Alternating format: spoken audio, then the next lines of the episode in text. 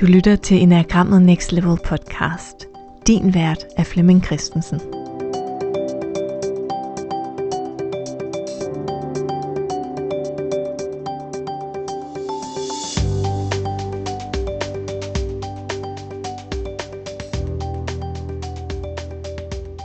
Velkommen til den her episode i podcasten Enagrammet Next Level. Det er en episode, som er en del af den serie, som handler om, hvordan vi kan støtte de unge mennesker, vi møder på vores vej, med udgangspunkt i vores viden om enagrammet. Det kan være, at du kender et ung menneske sådan i din familie. Det kan være, at det er dit eget barn. Det kan også være, at du befinder dig i en rolle, hvor du møder unge mennesker. Og det vi kommer til at tale om her, er jo faktisk også det unge menneske i den voksne. Altså den meget hmm, tidlige del af os, som man kunne også kalde barnet, man kan også kalde det uh, den unge, men altså som en tidlig del i os alle sammen, og især i den type, vi skal, skal bruge som udgangspunkt i dag, og det er type 7. Det vi jo normalt kender type 7 for, og især den unge 7'er, det er jo optimismen, eller livsglæden, eller det positive sind, det her med, at lad os få startet noget op, det går nok det hele. Lad os nu lade være med at tage det hele så tungt og seriøst. Det kan da godt være, at jeg får dårlige karakterer, men altså, hvad er hun? Hvad skal man egentlig også bruge øh, karaktererne til? Og det kan da godt være, at min kæreste øh, har slået op med mig, men det giver jo trods alt også lidt frihed, sådan øh, at stå lidt på egne ben igen, og så jeg reframer hele tiden til det positive. Jeg, jeg, jeg forsøger altid at trække, trække noget godt ud af situationen, så det kan jo det kan godt være, at min gode ven øh, har, hvad ved jeg, slået øh, øh foden, øh, og har måske endda brækket foden og blevet sådan øh, grounded i en god rumtid. Men så skal man ikke hjælpe til derhjemme, så skal man ikke slå græs, så skal man ikke pusse vinduer, så skal man køre os frem og tilbage i skole eller på arbejde. Det er der også noget meget godt i. Så den her optimisme er jo en, ja, en fantastisk gave eller menneskelig kvalitet. Jeg har lyst til at mærke livet. Jeg har lyst til at leve livet. Jeg har lyst til at opleve livet. Øh, der, der skal helst ikke være noget, nogle begrænsninger på, hvad det er, jeg skal bruge mit liv til. Det betyder så, at jeg ikke nødvendigvis vil binde mig så meget, eller Mm, jeg kan også have en lille øh, tendens til ikke at tage det sådan øh, super seriøst. Så det kan godt være, at jeg ikke får et studenterjob, eller måske et, øh, et job. Jamen, altså, så får jeg bare tid til noget andet. Så jeg kan, jeg kan sådan beskytte mig selv lidt med ikke at tage tingene seriøst, eller ikke tage det for nært, eller ikke blive for ked af det.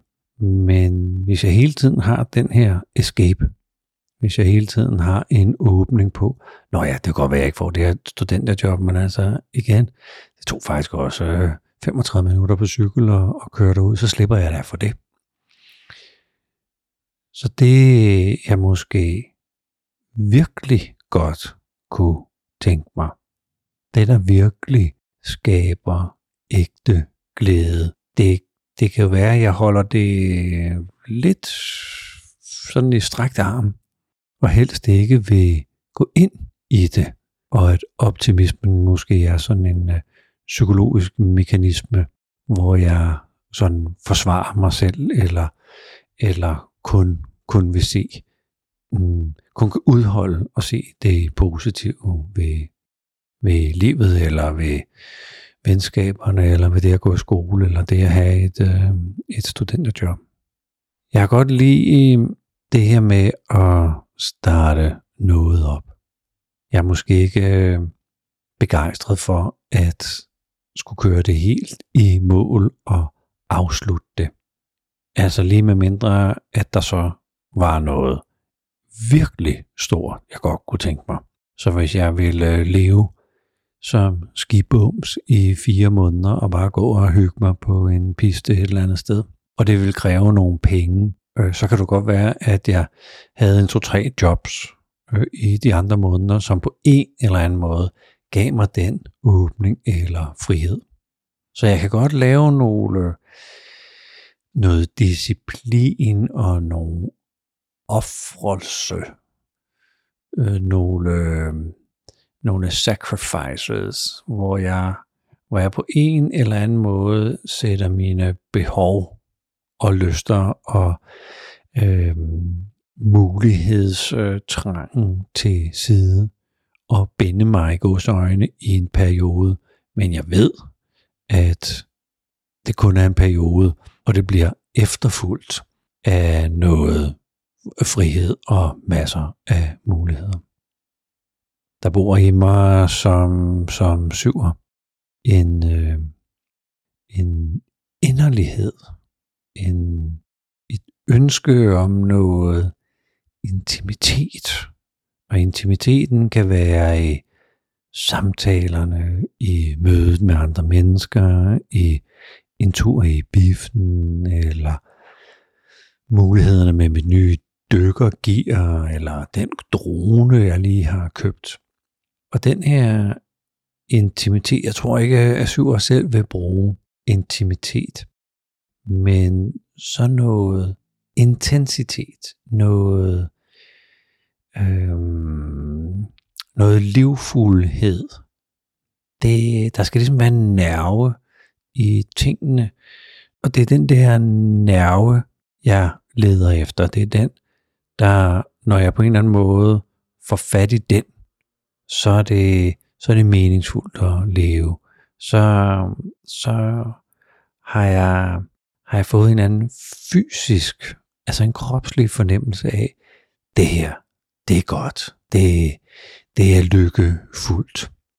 Så det intense øh, eller intime er et, øh, det er en af de her finurligheder ved typerne, som jeg har sat mig for at dele i, i den her lille serie. Og en af finurlighederne ved syveren, det er, at de virkelig, virkelig gerne vil have de der dybe, essentielle, væsentlige samtaler om det, der, det der for de store filosofiske, tektoniske indre plader til at bevæge sig, der hvor jeg dykker ind i en væsentlig meningsfuld øh, samtale. Den store udfordring er, at min øh, evne til at koncentrere mig er ikke nødvendigvis super stærk. Så det er jo som regel mig, der distraherer mig og os ud af den der dybe, vise, smukke samtale. Så det kan jo sagtens være, at jeg er optaget af æstetik. Men det vil kræve ret meget disciplin af mig at gennemføre det.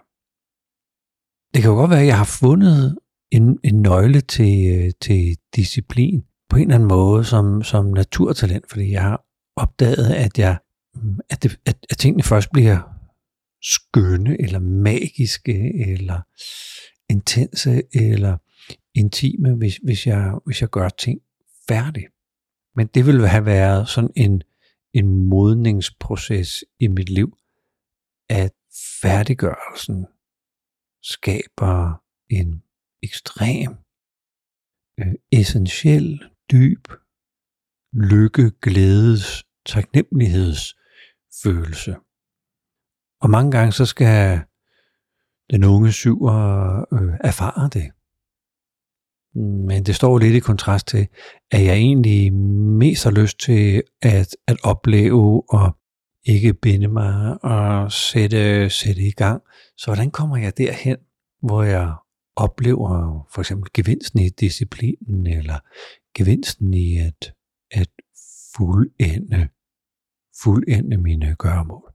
Men det igen, det er emnerne, vi jo kan samtale med den, den unge syver om. Og ja, vi kan jo ikke øh, lære folk at lære. Folk skal jo selv lære.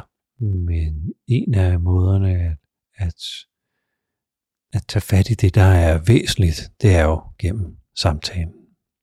På samme måde som for de andre typer, så har jeg valgt tre områder ud, der vil være især nyttige at kigge på for den unge syver. Type 7 i sig selv. Syveren i os alle sammen. Den første af de tre handler om taknemmelighed og ægte glæde. Hvad er det, der gør mig glad egentlig? Hvad er det, der bevæger mig, så jeg kommer i kontakt med det væsentlige? Hvordan er det, jeg møder det, der, hvor jeg er taknemmelig? Taknemmeligheden findes jo i, i mange forskellige former. Det kan være at stå med morgenkaffen og kigge ud og så få øje på det rige fugleliv, der er lige uden foran vinduerne.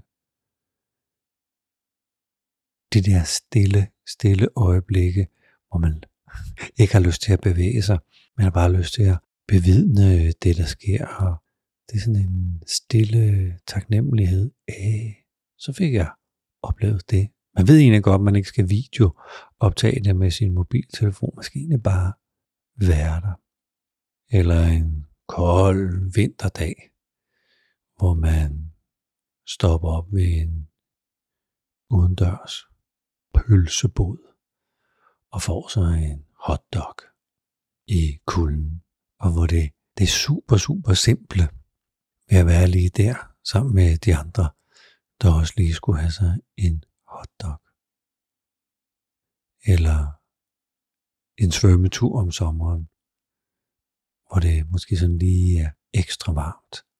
Og man er måske sådan lidt øh, træt og har havsalt i munden efter badeturen, når man lægger sig på stranden og overgiver sig til solen der bare sådan kan få lov til at løsne, løsne muskler og sener og producere lidt, lidt vitaminer i huden og bare så omgivelser. De der, de der små stykker glæde, det er jo det, er jo det jeg, jeg på en eller anden måde jagter som syver. Og nogle gange skal man, skal man stå stille nok, hvis man kan sige det sådan, og opdage, at det er lige her. Lige nu der lytter du til, til en episode i en podcast. Der har så siddet en som mig og forberedt det og kommet i det rigtige humør og taget nogle noter til det og indtalt det. Og der er en som Camilla, der klipper det og sørger for øh, at der ikke alt for mange øer, og lyden er god og lægger det op, og alligevel laver en lille, lille proces, så der er lyd i ørerne til dig. Den der lille stund lige nu, hvor der er nogen, der har gjort sig umage, så der er lyd til dig. Er det, er det glæde? Er det tilfredshed? Er det noget at være taknemmelig overfor, måske? Så samtalen kan handle om, hvad er ægte glæde? Hvad er egentlig værd at være taknemmelig for? Det næste emne handler om fokus og fravalg. Når jeg søger en masse muligheder, så er det jo mest et udtryk for en masse tilvalg. Jeg vil gerne prøve alle mulighederne af. Der ligger noget inde i fravalget. Der ligger noget inde i et fokus og fordybelsen og koncentrationen og lukke noget ude. Og jeg kommer til at tænke på ordet retreat, som jo egentlig handler så om at trække sig tilbage og lade verden fare forbi og rundt derude i et eller andet hæsblæsende tempo, men ved at fravælge og fokusere og trække sig tilbage, er det muligt at få øje på det væsentlige. Og jeg tror, det er fravalget. Jeg tror, det er den her evne til at sige, ikke nu, ikke nu, ikke nu. Jeg skal ikke handle på tanken, jeg skal ikke handle på min impuls, ikke nu. I fravalget ligger der også at lade noget fare. At give slip i noget, så der er plads til noget andet.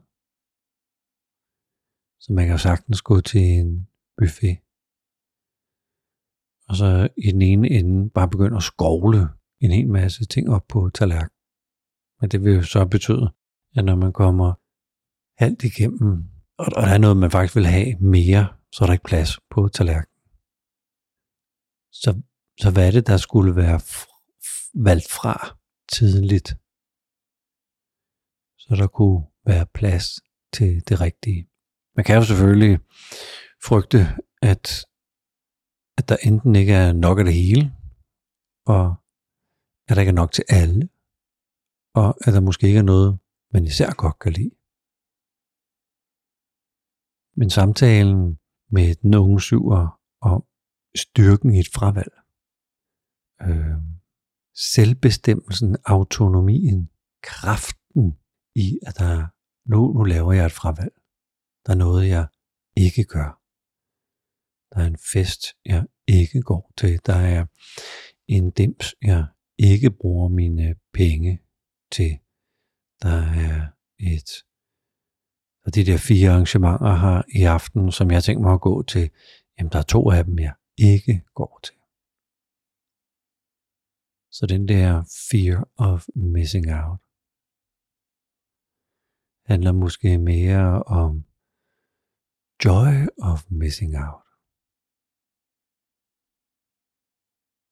Om man har valgt, jamen, jeg kunne godt gå til det, og jeg gør det ikke. Jeg kunne godt engagere mig i det, købe det, og jeg gør det ikke. Det vil naturligt ligge inde i mig, som siger, hvorfor skulle jeg det? Hvorfor skulle jeg begrænse mig? Og det er det, samtalen kunne handle om. Hvad kan begrænsningen?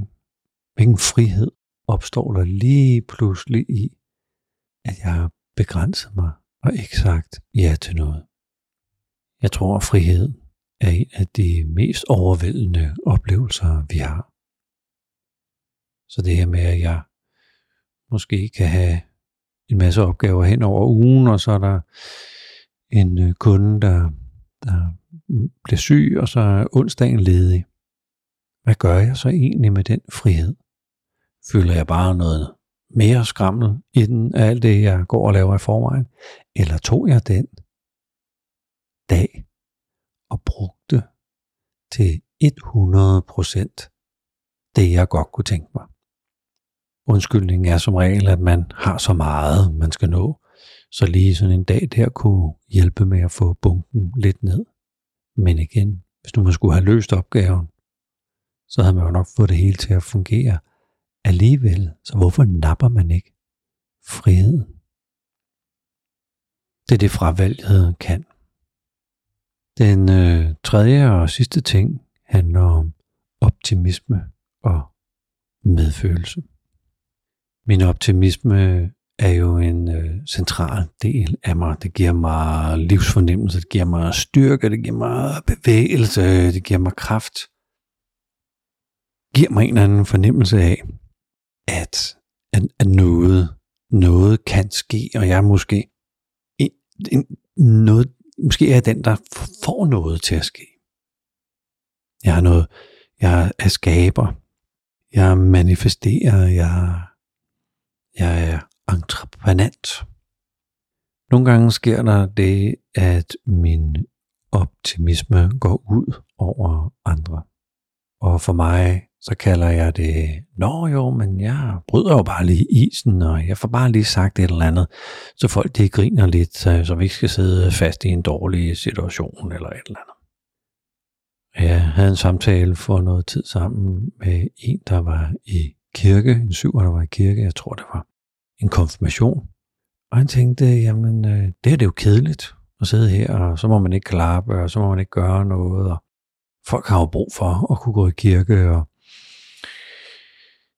ikke tage det så, øh, så højtidligt og sådan, så øh, han sad sådan og varmede op til, at man måske lige kunne sige noget sjovt, eller begynde at klappe, eller pifte lidt, hvis, øh, hvis øh, der blev sagt noget godt. Og indtil han opdagede, at de andre måske havde lyst til at være i traditionen på en bestemt måde. Så hvis han skulle have indlevelse og medfølelse for andre, så skulle han måske ikke bare følge sin egen impuls, fordi han synes det var kedeligt. Det kunne godt være, at der var nogle gæster, der synes, at det faktisk var herrefedt. Og nogle gange kommer jeg som syver til at tro, at alle andre også keder sig, at alle andre også er restløse, at alle andre også synes, at det her det er bare et virkelig, virkelig, virkelig kedeligt menneske at være sammen med, så, så vi må da bare videre på en eller anden måde, eller der er nogle andre, vi kan gå over og snakke med, eller der er et eller andet, vi kan gøre. Og nogle gange kommer jeg altså til at sige noget sjovt på bekostning af andre, hvor jeg, hvor jeg gør nar, eller gør grin, eller taler ned, og det er min erfaring, at jeg, at jeg gør det, fordi jeg ikke kan holde ud og være i situationen. Og jeg tror, at jeg taler på alles vegne. Men det er jo bund og grund manglende medfølelse for den person, det går ud over.